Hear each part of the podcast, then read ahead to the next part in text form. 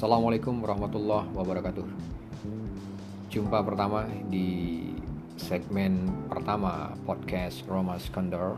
Pada segmen ini saya ingin bercerita tentang bagaimana saya bisa menjadi seorang anggota TNI yaitu TNI Angkatan Udara sebagai pilot pesawat tempur eh, selama lebih dari 20 tahun kemudian menjadi instruktur penerbang juga di Lanut Adi Sucipto Yogyakarta. Oke, okay, back then in 1995 when I was graduated from when I graduated from senior high school, I was wondering what I'm going to do uh, after uh, finishing my study at senior high school. So saya memutuskan pada saat itu untuk uh, bergabung menjadi anggota TNI melalui jalur Akabri, Akademi Angkatan Bersenjata Republik Indonesia dengan alasan apa? Karena kalau saya kuliah, saya akan menghabiskan banyak dana dan mempengaruhi perekonomian orang tua saya sedangkan saya masih memiliki banyak saudara yang harus uh, melaksanakan pendidikan juga.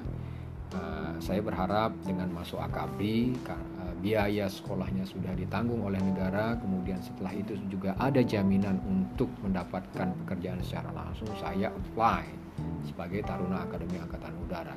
Pada tahun 1995 saya sukses untuk melaksanakan tes tahap awal di daerah, kemudian saya dikirim ke Magelang untuk melaksanakan tes tahap uh, berikutnya di tingkat pusat.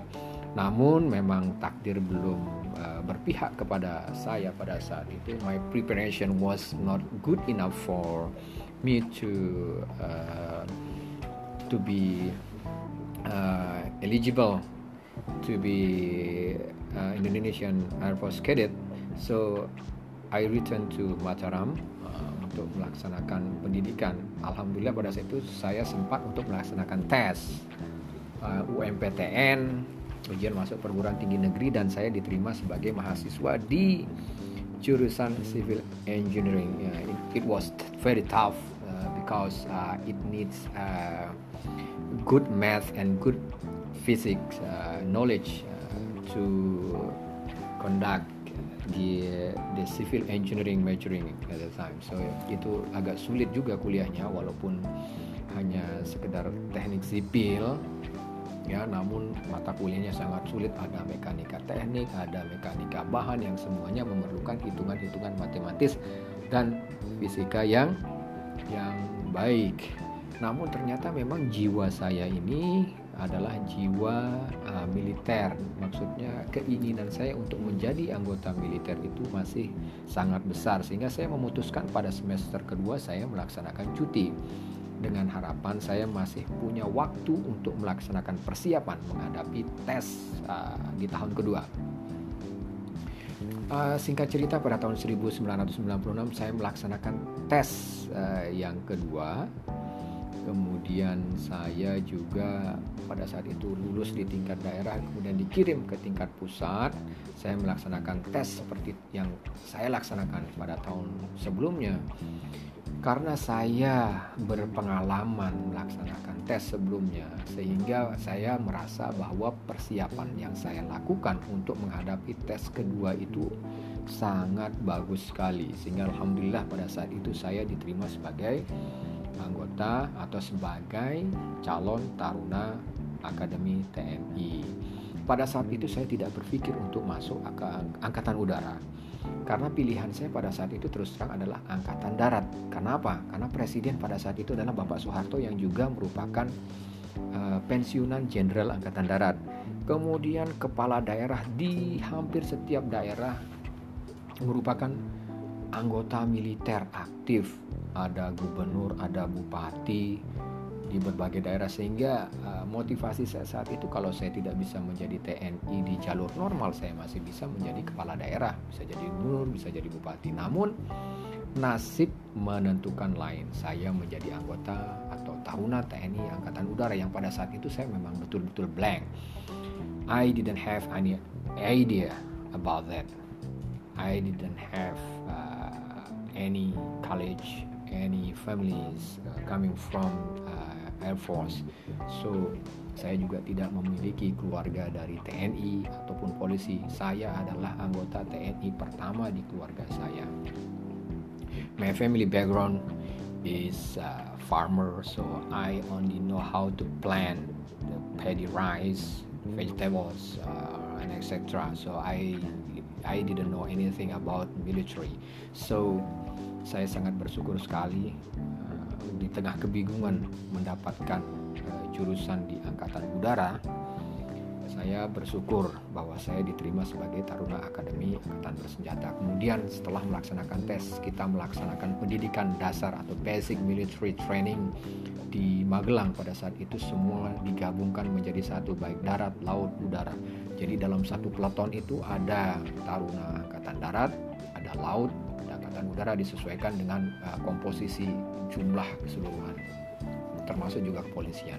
Sehingga kita semua melaksanakan latihan secara bersama-sama. Diawali dengan mungkin latihan paling dasar yaitu baris berbaris, kemudian peraturan urusan dalam atau yang dikenal dengan PUD atau peraturan uh, urusan dinas dalam PUD, DPU, PUD peraturan urusan dalam itu menyangkut hal-hal mengenai apa kurve, pengaturan tempat tidur, pengaturan baju di lemari, kemudian penempatan barang-barang di barak dan lain sebagainya sehingga tertata dengan rapi dan seragam. Kemudian peraturan urusan dinas dalam yaitu bagaimana cara jaga yang benar, kemudian prosedur jaganya seperti apa, serah terimanya seperti apa, yang dijaga seperti apa, bagaimana cara menjaganya, kemudian waktunya dari pukul berapa sampai berapa dan apa saja laporan yang kita buat dan lain sebagainya. Kemudian setelah itu kita diajarkan untuk menembak ya kemudian menembak mulai dari posisi tiarap, duduk, berdiri, kemudian bagaimana gerakan-gerakan perorangan, gerakan perorangan dalam peleton, gerakan peleton dalam kompi, kemudian bagaimana uh, ketahanan mars yaitu jalan jauh, kemudian halang rintang, berenang dan lain-lain sebagainya pendidikan militer yang nantinya kami perlukan pada saat masuk ke akademi yang sesungguhnya kemudian kami juga diajarkan mental kejuangan, kepemimpinan dan lain sebagainya karena kami diharapkan di masa depan juga akan menjadi seorang pemimpin, paling tidak komandan di satuan masing-masing. Uh, pendidikan tersebut uh, memang terasa sangat berat sekali karena apa? Karena memang kami ini semua adalah mantan siswa-siswa SMA kelas 3 yang kemudian dipaksa secara cepat dalam waktu tiga bulan untuk berubah menjadi seorang anggota militer yang memiliki jiwa kemiliteran, jiwa keperwiraan, jiwa kepemimpinan, dan lain-lainnya.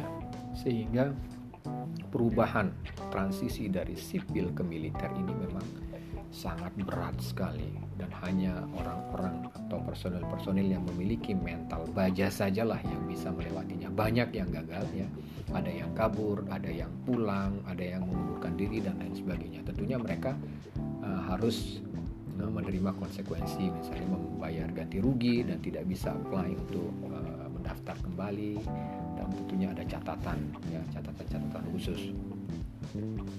Pendidikan selama tiga bulan, uh, alhamdulillah dapat uh, dilewati dengan lancar dan aman. Pada saat itu tidak ada uh, kekurangan, maksudnya tidak ada cedera, tidak ada eksiden yang menimpa.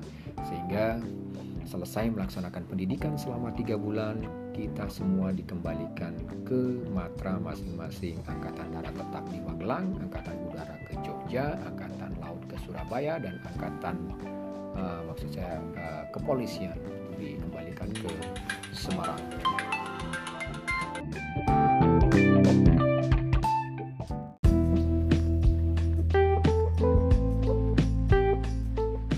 Setelah itu kita melaksanakan pendidikan selama uh, tiga setengah tahun di akademi masing-masing ya melaksanakan pendidikan di akademi masing-masing selama tiga setengah tahun untuk AU kembali ke Jogja yaitu di uh, Akademi Angkatan Udara Yogyakarta.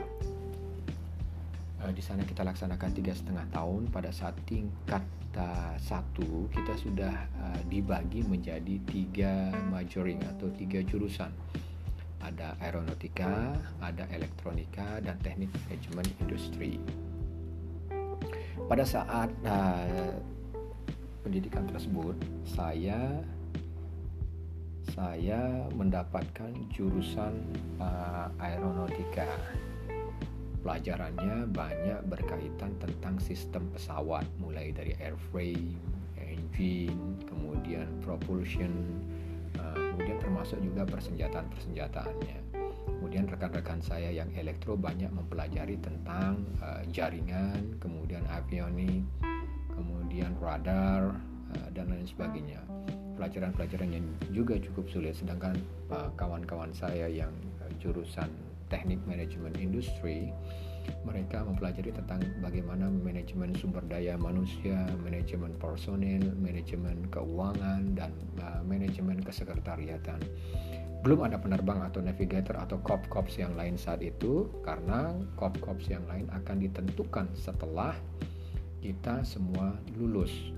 Semua uh, taruna lulusan taruna Akademi Angkatan Udara akan melaksanakan tes untuk menjadi sekolah penerbang apa pun jurusan sebelumnya.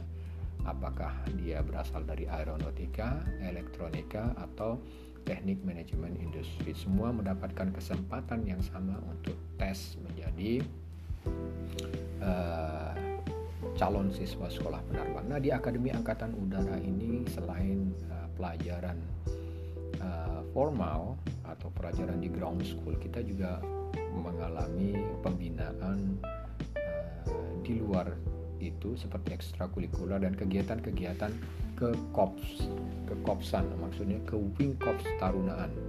Pada saat itu namanya wing kops star bukan wing kops karbol seperti sekarang. Jadi banyak pembinaan dan pengetahuan yang kita terima dari senior. Kehidupan senior junior sangat sangat ketat.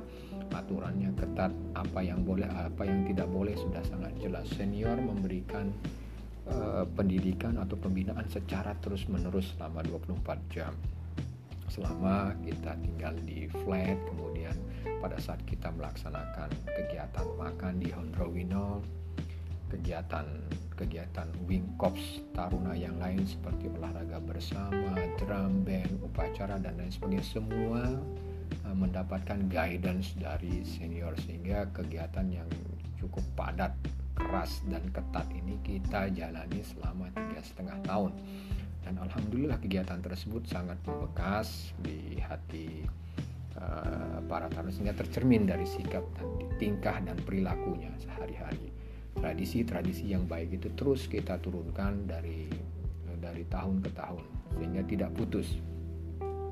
Hasil dari pembinaan itu adalah pada saat kita berdinas di satuan terjadi ikatan yang cukup kuat antara senior dan junior yang berasal dari satu alma mater ini. Nah setelah tiga setengah tahun tersebut barulah kita nanti semua diberikan kesempatan untuk melaksanakan tes uh, masuk sebagai siswa sekolah penerbang. Seluruhnya tidak tanpa terkecuali ya. Sementara eh, kira-kira itu dulu segmen pertama ini. Untuk segmen selanjutnya akan kita lanjutkan kembali. Mungkin nanti saya akan bercerita tentang kehidupan secara detail di Taruna seperti apa ini hanya garis besarnya saja. Kemudian nanti akan saya lanjutkan kembali ke Eh, materi berikutnya atau cerita saya berikutnya sebagai siswa sekolah penerbang. Kemudian nantinya lagi dilanjutkan bagaimana di kedinasan sebagai penerbang operasional di satuan masing-masing dan lain sebagainya saya rasa cukup dulu sekian nah, simak terus segmen-segmen selanjutnya. Terima kasih sudah mau mendengarkan. Assalamualaikum warahmatullahi wabarakatuh